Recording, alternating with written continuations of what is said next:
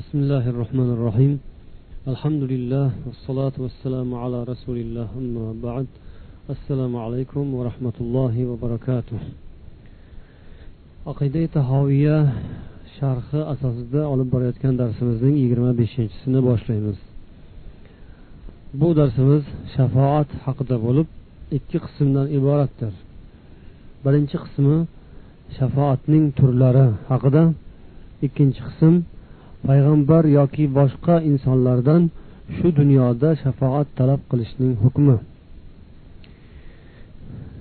bu darsimizni aqida tahoviyani shafoat haqidagi matnlaridan boshlaymiz والشفاعة التي ادخرها لهم حق كما روي في الأخبار hadislarda rivoyat etilganidek muhammad sollallohu alayhi vasallam ummatlari uchun oxirat kuniga saqlab qo'ygan shafoatlari haqdir. Shafoat degan so'z o'zimizni iboramizda tilimizda ko'p ishlatiladi. Buni lug'aviy ma'nosi bir narsaga qo'shilish degan ma'noni bildiradi. Biron bir narsaga qo'shilib qo'shilib unga juft bo'lish degan mazmun. O'zi shafoat degan so'z arabchada shafun degan kalimadan olingan shafun degani bir juft degani. Vitr desak toq deganni aytgan bo'lamiz. Vitrun toq shafun juft. Ashafaa biror narsaga qo'shilib juft bo'lish. Biror bir narsani yoniga turib olish. Endi bu shariatda istilohda esa biror bir insonning yonini olish uni yoniga turib olib uni himoya qilish unga yordam berish. Bu o'rinda esa e'tiqodda esa aqida darsligida shafoat bu payg'ambarimiz sollallohu alayhi vasallamni qiyomat kunida ummatlarini tarafini olib ularni yonlarini olib alloh taolodan madad so'rash nusrat so'rashlari. Va yana boshqa payg'ambarlarni ham ummatlariga va yaxshi insonlarni amalli e'tiqodli olimu ulamolarini shahidu shuhodolarini o'zgalarga shafoat qilishlari o'zgalarni shafoat qilishlari ya'ni ularga yordam berishlari tushuniladi. Shafoat bir necha turlarga bo'linadi. Bu shafoatni turlarini islom tarixida musulmonlardan chiqqan ba'zi insonlar rad etganlari ham bor. Ahli bidatlar adashgan toifalar rad etganlari bor. Ba'zi bir turlarga esa hammalari ittifoq qilib kelishganlari bor. Shafoatni bir necha turlari haqida to'xtab o'tamiz. Aqida tahoviya matnida shafoatning turlarini sakkiz xil qismga bo'lib talqin etganlar. Birinchi tur shafoat bu ash shafaatul ula yoki ash shafaatul uzma deb aytiladi. Ya'ni birinchi shafoat yoki eng oliy darajadagi shafoat buyuk shafoat. Bu buyuk shafoat deganda payg'ambarimiz muhammad sollallohu alayhi vasallamning o'zlariga xos bo'lgan shafoat tushuniladi.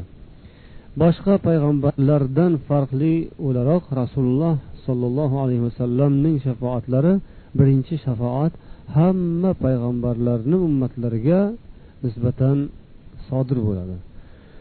sahihaynda ya'ni imom buxoriy va imom muslim va yana boshqalarning rivoyatlarida kelgan hadis quyidagi hadisdan o'sha yuqorida aytilgan shafoat haqida ma'lumot olamiz hadis shunday boshlanadi عن أبي هريرة رضي الله عنه قال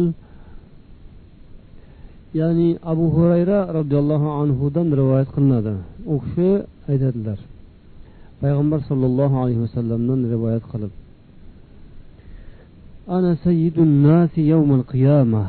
Payg'ambar alayhissalom aytdilar qiyomat kunida men insonlarning sayyidi bo'laman. Bu nima uchun shunday bo'ladi bilasizlarmi? deb so'radilar sahobalardan.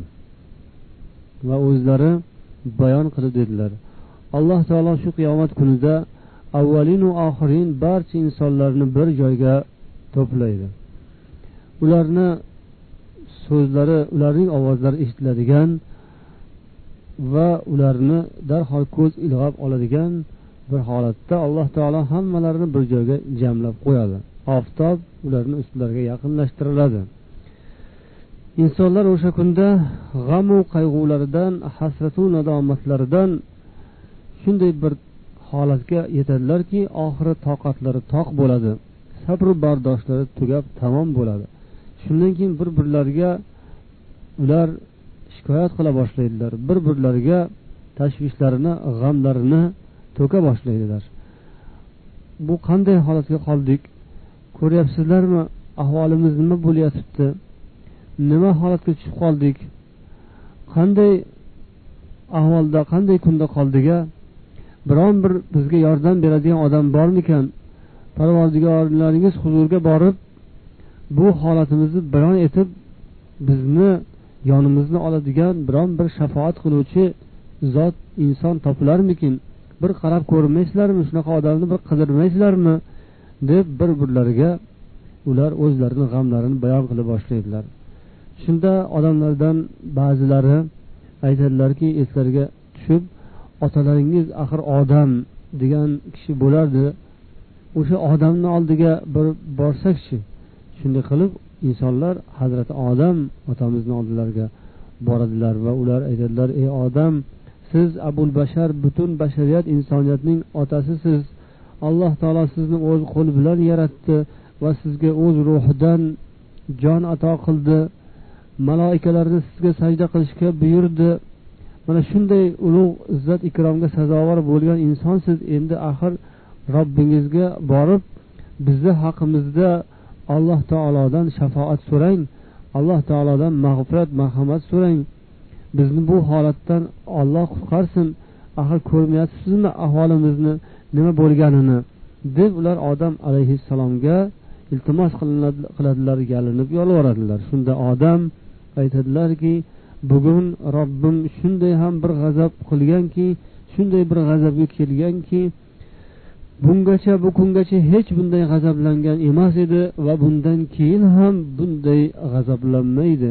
Shunday qattiq g'azablanib turgan paytda men uning huzuriga bora olmayman chunki meni robbim o'sha ma'lum bir daraxtning mevasidan qaytargan edi. Men isyon qilib robbimni aytganini bajarolmasdan o'sha daraxtning mevasidan yeb qo'yganman. Hozir esa o'zim jonim. O'zim jonim o'zim jonimni o'ylab turibman. Boshqaga boringlar mandan boshqaga murojaat qilinglar. Nuhga boringlarchi deydilar. Shundan keyin odamlar nuh alayhissalomni oldilariga keladilar. Ey nuh siz elchilarning avvalisiz.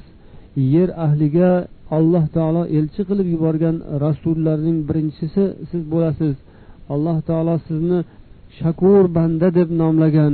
Bizni haqimizda shafoat qiling robbingizga boring biz haqimizda undan madad so'rang yordam so'rang axir holimizni ko'ryapsizku qanday ahvolga tushib qolganimizni qanday holatda qolib ketdik qanday kunga qolib ketdik deb ular iltimos qiladilar. Shunda nuh payg'ambar aytadilarki robbim bugun shunday bir g'azab qilganki bungacha bunday g'azabga kelmagan edi.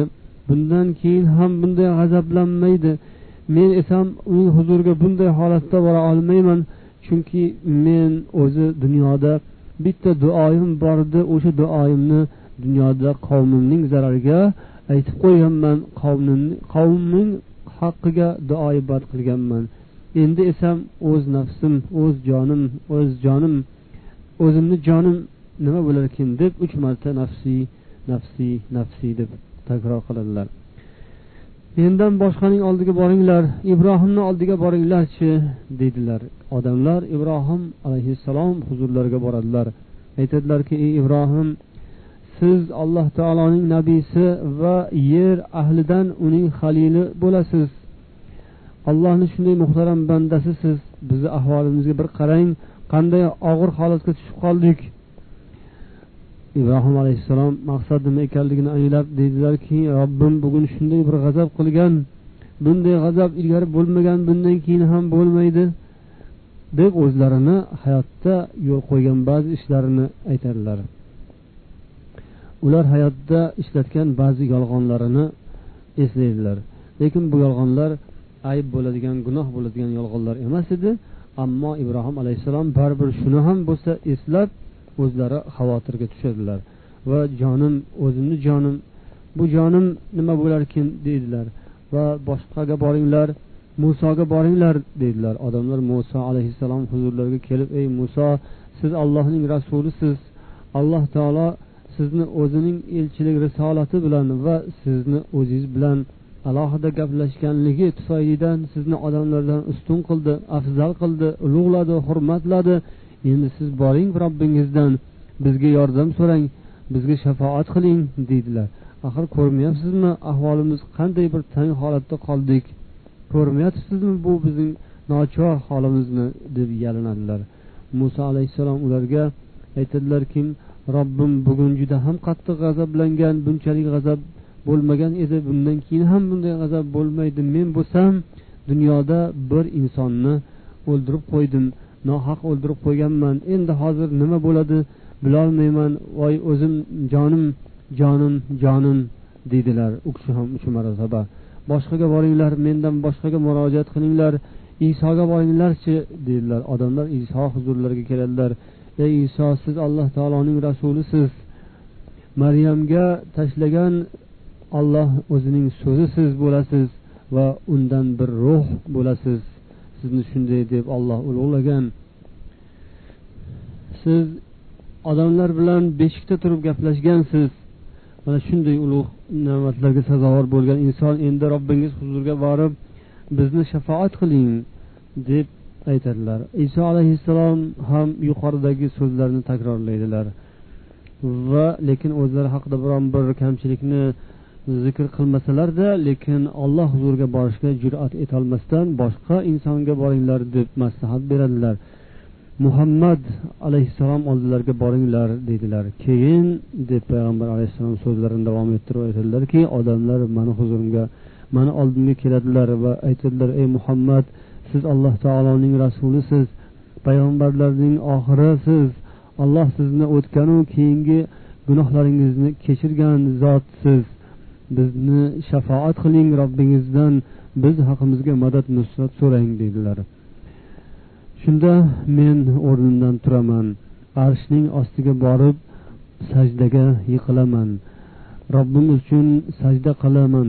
Keyin alloh taolo menga o'zi kalimalar darvozasini ochadi va allohni maqtab ulug'laydigan so'zlardan olloh o'zi xohlaganini menga ilhom qiladi. Avvalda hech bir bandasiga nasib etmagan kalimalar xazinasini maqtovlar xazinasini hamdu sanolar xazinasini hamdu sanolarning eng go'zalini menga olloh nasib etadi.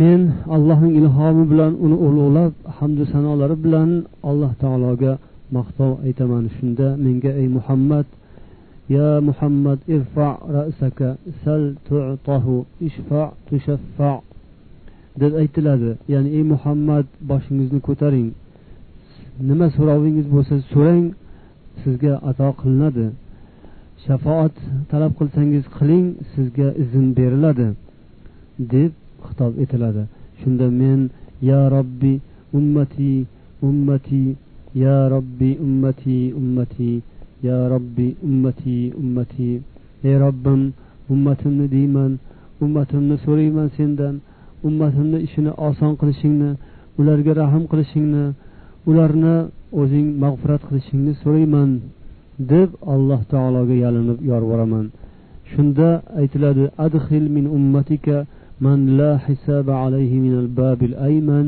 min abwabil jannati ummatingizdan bir toifalarni hech bir hisob kitob qilinmasdan turib jannat darvozalarining o'ng tomondagi turgan darvozalardan o'ng tomondagi turgan bir darvozadan kiriting. Va ular boshqa darvozalarga ham boshqa insonlarga ham boshqa jannat darvozalarida sherik bo'lishsin deb aytiladi. Keyin payg'ambar sollallohu alayhi vasallam yana davom etib deydilarki nafsim uning qo'lida bo'lgan zotga qasamki jannat darvozalarining kengligi ikki tabaqasining o'rtasi masofa makka va hajar shahri orasidagi yoki makka va busro shaharlari orasidagi masofa kabichadir dedilar. Bu hadisdagi zikr qilingan mavzu shafoat mavzusi lekin bu yerda ummatim degan ibora bilan keltirilgan. Lekin shorihlar bu hadisga yana boshqa hadislar qo'shilib payg'ambar sollallohu alayhi vasallam oldilariga kelgan insonlarning hammasi haqida shafoat so'rashlarini zikr qilingan. Alloh taolo keyin payg'ambarimiz alayhissalomni shafoatlariga ruxsat bergandan so'ng insonlarning barchasi hazrati odam otamizdan tortib qiyomatgacha o'tadigan insonlarning hammasini ishlarini alloh taolo yengillashtiradi ularni hisob kitoblarini boshlaydi. Ya'ni shu hisob kitobni boshlash savol javobni boshlash bu insonlar uchun yengillik bo'lib qoladi. Hech qanday hisob kitobsiz ular mahshar maydonida to'xtab turishlari juda ham bir og'ir kulfat mashaqqatga aylanganidan ular tezroq hisob kitobimizni boshlay qolsaydi deyishga majbur bo'ladilar. Birinchi shafoat mana shu o'rinda bo'ladi. U barcha insonlarga taalluqli shafoatdir.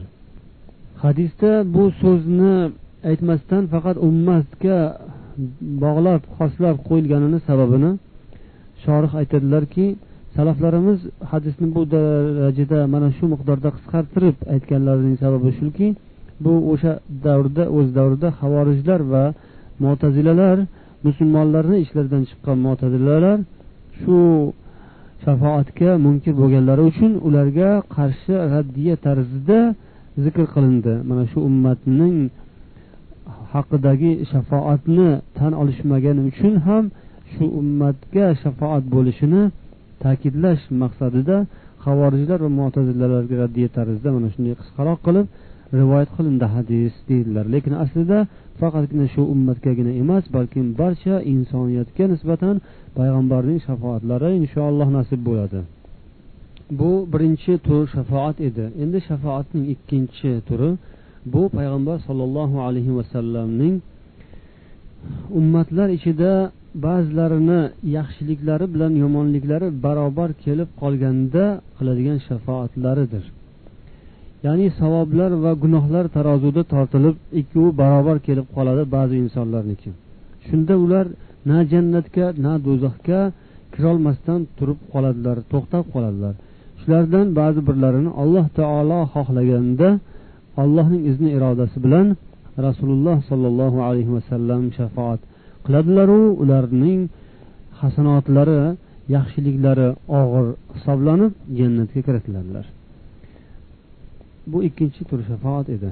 Endi uchinchi tur shafoat bu ba'zi insonlarni yomonliklari ziyoda kelib gunohlari ma'siyatlari og'ir kelib savoblari kam bo'lib jahannamga kirishlariga amr bo'lgan jahannamga olib ketilayotgan do'zaxga kiritilishiga buyruq berilgan o'rinda rasululloh sollallohu alayhi vasallamning fazilatlarini alloh taolo demak minnat qilib shularni ham xohlaganlarini shafoat qilib qutqarib olishga izn beradi. Unda ham allohning izni irodasi bilan albatta. To'rtinchi tur shafoat bu jannatga kirgan baxtli insonlarning darajotlarini jannatdagi darajotlarini ko'tarish uchun sodir bo'ladi. Ular jannatda o'zlarini amallariga yarasha maqom ega maqomga ega bo'lganlaridan keyin ham undan ko'ra oliyroq ustunroq amallaridan ham ko'ra o'zlarini loyiq bo'lgan o'rinlaridan ham ko'ra ulug'roq bir maqomni alloh taolo nasib etmoqchi bo'lsa bunga ham payg'ambarning shafoatlari sabab bo'lib shu ish amalda amalga oshadi. Mana shu shafoatga mo'tazilalar qo'shilgan ekanlar. Shuni tasdiq qilishgan ekanlar ammo undan boshqa turdagi shafoatlarni mo'tazilalar inkor etganlar. Beshinchi tur shafoat bu jannatga hisob kitob qilinmasdan kiritiladigan baxtli insonlar haqida ro'y beradi. Va bu o'rinda sahihaynda rivoyat bo'lgan okkoshaning hadislarini keltirish joiz. Mehson payg'ambar sollallohu alayhi vasallam jannatga meni ummatimdan yetmish ming kishi hisobsiz kiritiladi degan so'zlarni eshitib qolib o'rnlaridan turib yo rasululloh duo qiling men ham o'shalardan bo'layin deganlar shunda sen o'shalardansan deganlar. Yoki yana bir rivoyatda allohumma minhum ey ollohim mana shu ukkoshani o'shalardan qilgin deb duo qilganlar. Undan keyin yana ansoriylardan bir odam o'rnlaridan turib yo rasululloh meni ham duo qiling o'shalardan olloh meni ham o'shalardan qilsin deganda ukkosha ukkosha sendan o'zib ketdi deb javob qilib qo'ya qolganlar. Oltinchi tur shafoat bu jahannamga tushib azob uqubatga loyiq bo'lib qolgan insonlarning azobini yengillashtirish uchun sodir bo'ladi. Buning misoli payg'ambar sollallohu alayhi vasallamning amakilari abu tolibni azobini yengillashtirish haqida kelgan hadislar bunga misol bo'ladi bu imom buxoriy muslim rivoyat qilgan hadislar abbas ibn abdul muttalib payg'ambarning ya'ni amakilari يا رسول الله هل نفعت أبا طالب بشيء فإنه كان يحوطك ويغضب لك ey rasululloh abu tolibga siz biron bir foydangiz tegadimi axir u dunyoda sizni himoya qilardi siz uchun boshqa dushmanlarga g'azablanardi ya'ni sizni tarafingizni olardi deb so'ragan ekanlar. Shunda naam huwa fi dahdahin minnar walaula ana lakana fi darkil asfali minannar deb javob bergan ekanlar. Ha u jahannamda azob uqubat tovonigacha chiqadigan o'rinda bo'ladi. Agar mening shafaatim bo'lmaganda edi u jahannamning eng quyi tubi qismida bo'lgan bo'lardi degan ekanlar. Demak bu o'rinda o'sha abu tolibni dunyoda payg'ambar sollallohu alayhi vasallamni himoyalari uchun qilgan harakatlari sabab bo'lib allohning izni irodasi bilan payg'ambarning shafoatlari bilan ba'zi insonlarni jumladan abu tolibni jahannamdagi azobini yengillashtirish uchun ham shafoat bo'ladi. Endi bu o'rinda ba'zilar muddassir surasining qirq sakkizinchi oyatini keltirib u kofirlar mushriklarga shafoatchilarning shafoatlari ham foyda bermaydi degan oyatni dalil qilishlari mumkin ekanligini imom qurtubiy at tazkira kitoblarida keltirganlar. Keyin uning javobini aytganlarki ha u mushrik kofirlarga shafoatchilarning shafoati naf bermaydi foyda bermaydi jahannamdan chiqishga foyda bermaydi. Ammo jahannamdan mo'min musulmonlar chiqadilar. Lekin kofirlar ba'zilari jahannamdagi azoblarni yengillashtirishga foyda bo'lishi mumkin deb o'tganlar. Yettinchi tur shafoat bu payg'ambar sollallohu alayhi vasallamning hamma mo'minlarni jannatga kirishlari uchun qiladigan shafoatlaridir. Bu haqda imom muslimning rivoyatlari bor. Payg'ambar alayhissalom aytadilar ana avvalu shafiin fil jannati. Men jannatga kiritilishda insonlarni jannatga kirishlari uchun eng birinchi shafoatchidirman deganlar. Sakkizinchi tur shafoat bu payg'ambar alayhissalom ummatlaridan gunoh kabira qilib jahannamga tushib qolgan insonlarni haqidagi shafoatdir. Alloh taoloning izni bilan marhamati bilan rahmati bilan ularni payg'ambar alayhissalom shafoat qiladilar olloh xohlaganlarini. Bu haqidagi hadislar juda ham ko'p kelgan juda ham ko'p hadislar mutavotir hadislar lekin bu haqda havorijlar va mo'tazilalar bexabar benasib qolganlar ular bu boradagi hadislarni inkor etib shafoatning bu turini ham ular rad etishadi. Bu hadislarni ular sahihligini tan olishmaydi. Mana shu shafoatning turlari haqida gapirar ekanmiz. Shafoat bu faqatgina payg'ambarimiz sollallohu alayhi vasallam tomonlaridangina emas balkim boshqalar tomonidan ya'ni maloikalar tomonlaridan va boshqa payg'ambarlar tomonlaridan va solih taqvoli yaxshi insonlar mo'minlar tomonlaridan ham sodir bo'lishi rivoyatlarda aniq keltirilgan. Yana yaxshi amallar ham insonni shafoat qilishi haqida rivoyatlarga ro'bora bo'lamiz. Masalan payg'ambarlar o'zlari ummatlarini maloikalar gunohkorlarni haqlarida shafoat qilishlarini hozir esladik. Yana yosh bolalar go'daklar go'daklik chog'ida vafot etgan bolalar ota onalarini shafoat qilishlari alloh taolo yo'lida shahid bo'lgan insonlar o'z ahllaridan yetmishta insonni shafoat qilishlari hofizul qur'on qur'oni karimni yod olgan solih qorilar ular ahli baytlarini yaqin kishilarni shafoat qilishlari va mo'min musulmonlar bir birlarini shafoat qilishlari qur'oni karim ham o'z o'quvchisini shafoat qilishi ro'za ro'zadorni shafoat qilishi haqida kitoblarda xabarlar hadislar oyatlar vorid bo'lgan. Alloh taolo barchamizni shu shafoatlardan nasibador aylashini so'rab qolamiz. Shu bilan darsimizning birinchi qismi tugadi. Endi darsimizning ikkinchi qismini boshlaymiz. Bu payg'ambar yoki boshqa insonlardan shu dunyoda shafoat talab qilishning hukmi haqida. Bu masala ba'zan odamzod og'zidan payg'ambaringning haqqidan so'rayman. Payg'ambaringning haqqi bilan so'rayman yoki falonchining haqqi hurmatidan so'rayman degan ibora ba'zi insonni og'zidan chiqadi. Bu o'rinda tafsilot bilan javob berish kerak bo'ladi.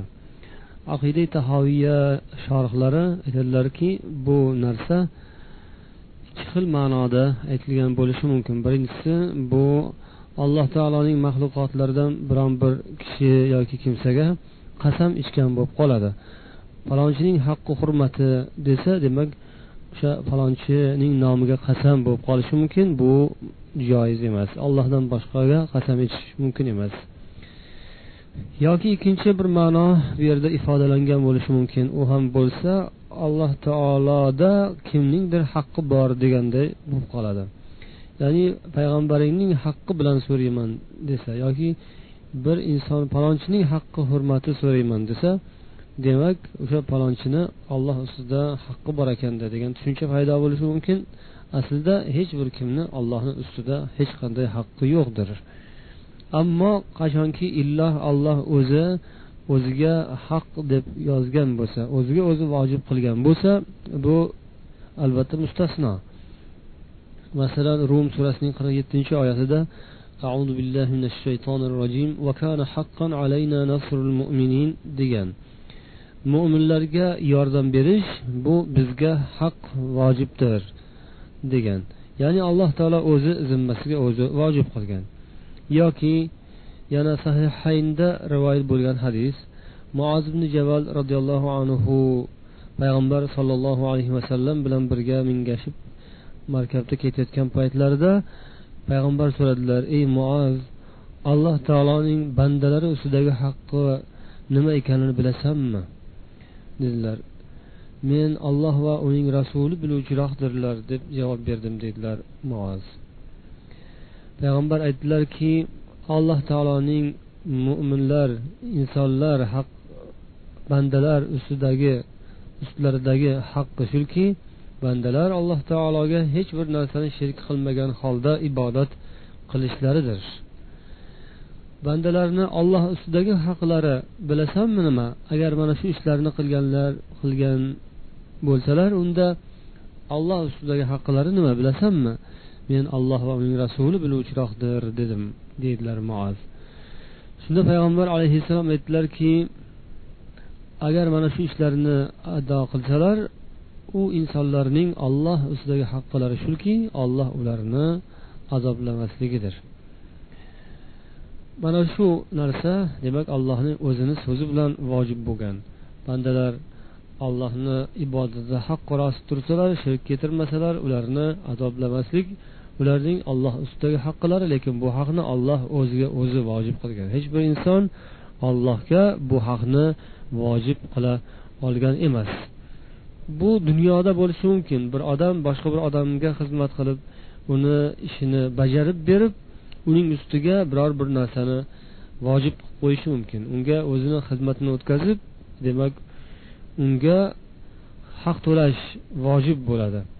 O'sha insonning xizmat haqini to'lashni demak bir inson boshqasiga vojib qilib qo'yishi mumkin. Uning huzurida ba'zi bir ishni amalga oshirib bu insonlar o'rtasida bo'ladi lekin olloh bilan banda o'rtasida emas. Olloh o'zi xohlasa o'ziga o'zi vojib qilgan o'ziga o'zi haq deb yozgan bo'lsa u undan mustasno albatta. Lekin bu narsalarning zikrni qilib turib mana shularga qasam deb aytish mumkin emas. Allohni o'ziga qasamyod etish mumkin faqat.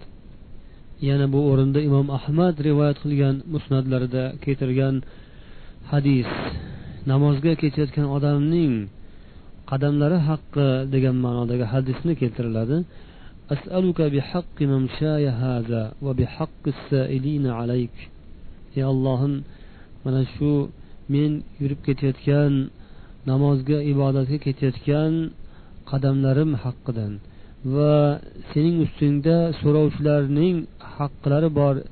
Sening ustingda mavjud bo'lgan so'rovchilarning haqqi bilan so'rayman degan hadis ustida ham biroz to'xtalinadi. Bu hadis o'zi asli zaif bo'lsada lekin ma'nan sahih bo'lishi mumkin.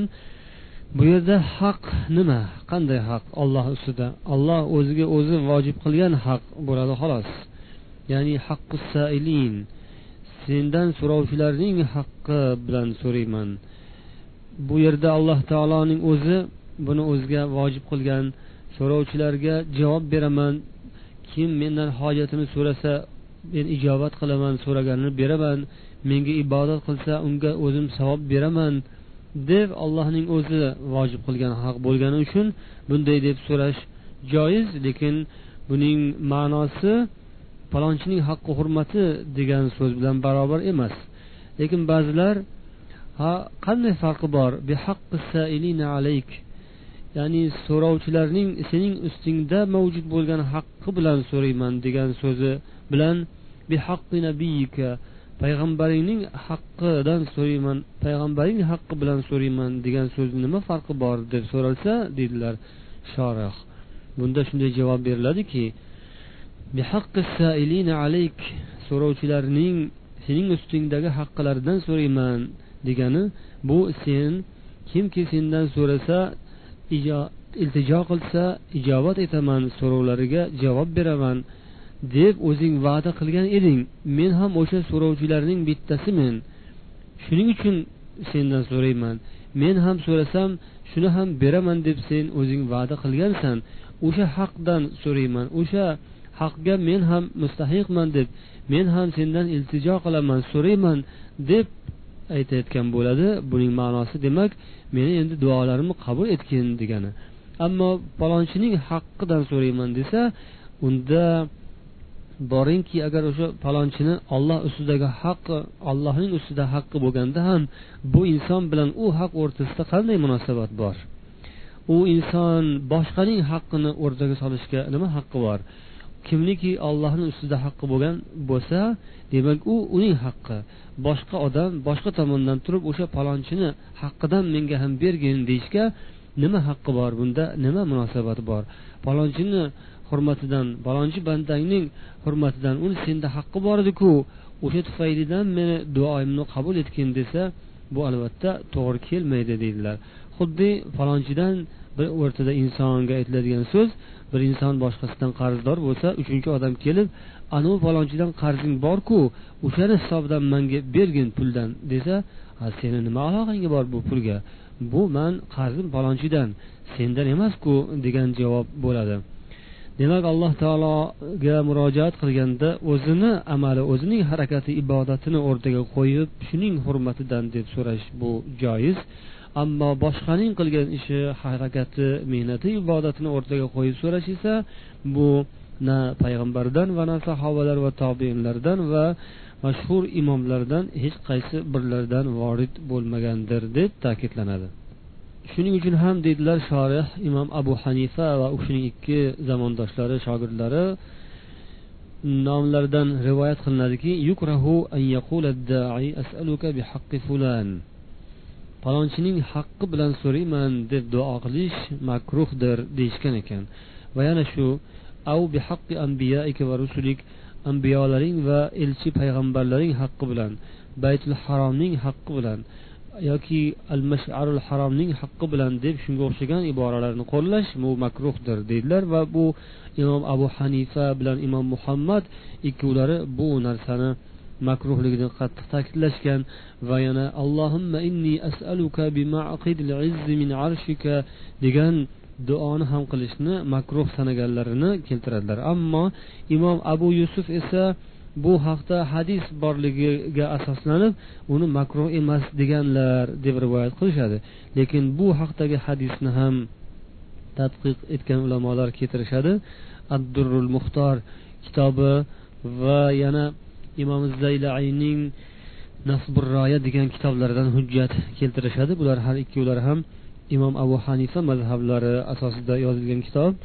O'sha raddul muxtor va imom zaylayning nasburroya kitoblarida mana shu hadisni ya'ni allohimma inni as'aluka bima'aqidil izzi min arshika degan iboralar keltirilgan hadisni zaif hadis yoki to'qilgan yolg'on botil hadis ekanligini bayon etishgan. Yana ba'zi bir odam bijahi fulanin indaka deb ya'ni ey ollohim falonchining sening huzuringdagi maqomi martabasi tufaylidan so'rayman desa yoki natavassalu ilayka bi anbiyaika va rusulika va avliyaika desa sening payg'ambarlaring elchilaring avliyolaringni o'rtaga qo'yib vasila qilib so'rayman desa bunda go'yoki buning ma'nosi o'sha falonchi inson sening huzuringda martabasi maqomi bor obro'si hurmati bordi. Mana shu tufaylidan mening duoyimni qabul qilgin ijobat qilgin degan bo'lib qoladi. Lekin bu narsa payg'ambar sollallohu alayhi vasallam sahobalaridan ko'rilmagan. U kishining hayotlik vaqtlarida bunday deb qilinmagan va vafotlaridan keyin ham bunday duo qilinmaganligini ta'kidlaydilar ulamolar. Payg'ambar sollallohu alayhi vasallam hayotlik paytlarida sahobalar kelishib u kishidan duo so'rashar edi. U kishining duolari bilan vasila qilishardi. Payg'ambarning duolarini olishardi. Bunga imom termiziy rivoyat qilgan jami o'z jamiyalarida rivoyat qilgan hadisni keltiriladi. Bir odam ko'zi ojiz kishi payg'ambar sollallohu alayhi vasallam huzurlariga kelib so'radi yo rasululloh duo qiling alloh taologa menga olloh shifo bersin dedi. Payg'ambarimiz aytdilarki agar xohlasang mayli duo qilaman shifo topasan xohlasang esa sabr qilasan. Bu yaxshiroqdir senga dedilar. U odam esa yo rasululloh duo qiling alloh taologa menga shifo bersin dedi.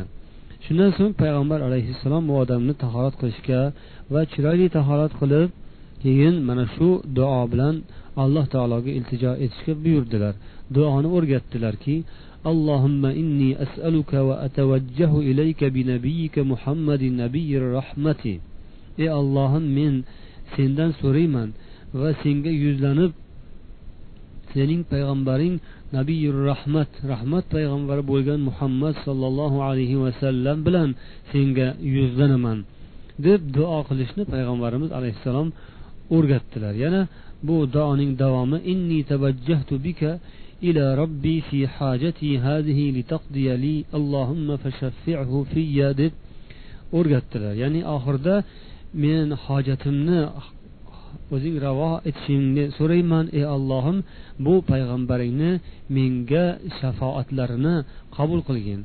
Ya'ni menga shafoatchi qilgin. Bu kishini men haqqimdagi qilayotgan duolarini so'rovlarini ijobat qilgin degan mazmundagi duoni o'rgatganlar. Keyin payg'ambar alayhissalom duo qildilar. U odam ham payg'ambarimiz buyurgan buyruqlarni bajardi. U shifo topdi. Lekin bu narsa rasululloh sollallohu alayhi vasallam zamonlarida hayotlarida bo'ldi. U kishi vafotlaridan keyin esa u kishini zotlarini o'rtaga qo'yib vasila qilish bo'lmadi. Balkim payg'ambarni hayotlik paytlarida u kishidan duo olishardi sahobalar va omin deb turardilar.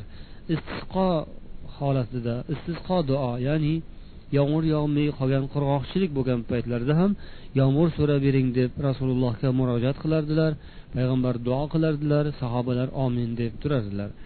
U kishi vafot etganlaridan keyin hazrati umar roziyallohu anhu istisqo uchun musulmonlar bilan yig'ilib yomg'ir so'rash uchun bir joyga to'plangan paytlarida ular dedilarki allohimma inna kunna ida أجدبنا نتوسل إليك بنبينا فتسقينا وإنا نتوسل إليك بعم نبينا ey ollohim biz ilgari rasuling payg'ambarimiz muhammad sollallohu alayhi vasallamning duolari bilan senga vasila qilardik u kishini vasila qilardik biz qurg'oqchilikda yomg'irsizlikda qolgan paytimizda payg'ambaring bilan payg'ambarimiz bilan vasila qilardik sening huzuringga va sen bizga yomg'ir berarding. Endi esa payg'ambarimizning amakilari bilan senga vasila qilamiz dedilar. Ya'ni buning ma'nosi payg'ambarimizning amakilari bilan senga vasila qilamiz deyish ma'nosi u kishining duolari bilan vasila qilamiz degan ma'no ekan. Payg'ambarni ham hayotlik paytlarida duo qiling deyishardi. Duo qilardilar. Shu duoni alloh huzuriga vasila qilinardi. Endi vafotlaridan keyin esa payg'ambarga yaqin bo'lgan inson qarindoshlari amakilari bo'lgan hazrati abbos roziyallohu anhuni duo qilishlarini iltimos qilishardi. U kishi duo qilardilar. Bu yerda biz senga payg'ambaring nomiga qasamyod etib aytamiz degan ma'no emas. Yoki payg'ambaringni sening huzuringdagi maqomi martabasining hurmatidan bizga yomg'ir bergin degani emas. Agar shunday bo'ladigan bo'lsa edi unda payg'ambarning maqomi martabalari hayotlaridayu vafotlarida barobar uni hech qanday farqi yo'q edi. Hayotlarida maqomi martabali bo'lib keyin vafotlaridan keyin maqomlari abbosniki baland bo'lib ketgan emas. Baribir payg'ambarning maqomi martabalari ulug' edi. Agar maqomi martabani o'rtaga qo'yib so'rash bo'lganda edi bu o'rinda. Albatta payg'ambarni o'zlarini maqomlarini aytishgan bo'lardi. Ammo demak bu yerda duo o'rtaga qo'yilyapti. Payg'ambar vafot etganlaridan keyin u kishining amakilari hazrati abbosning duolarini vasila qilishar edi.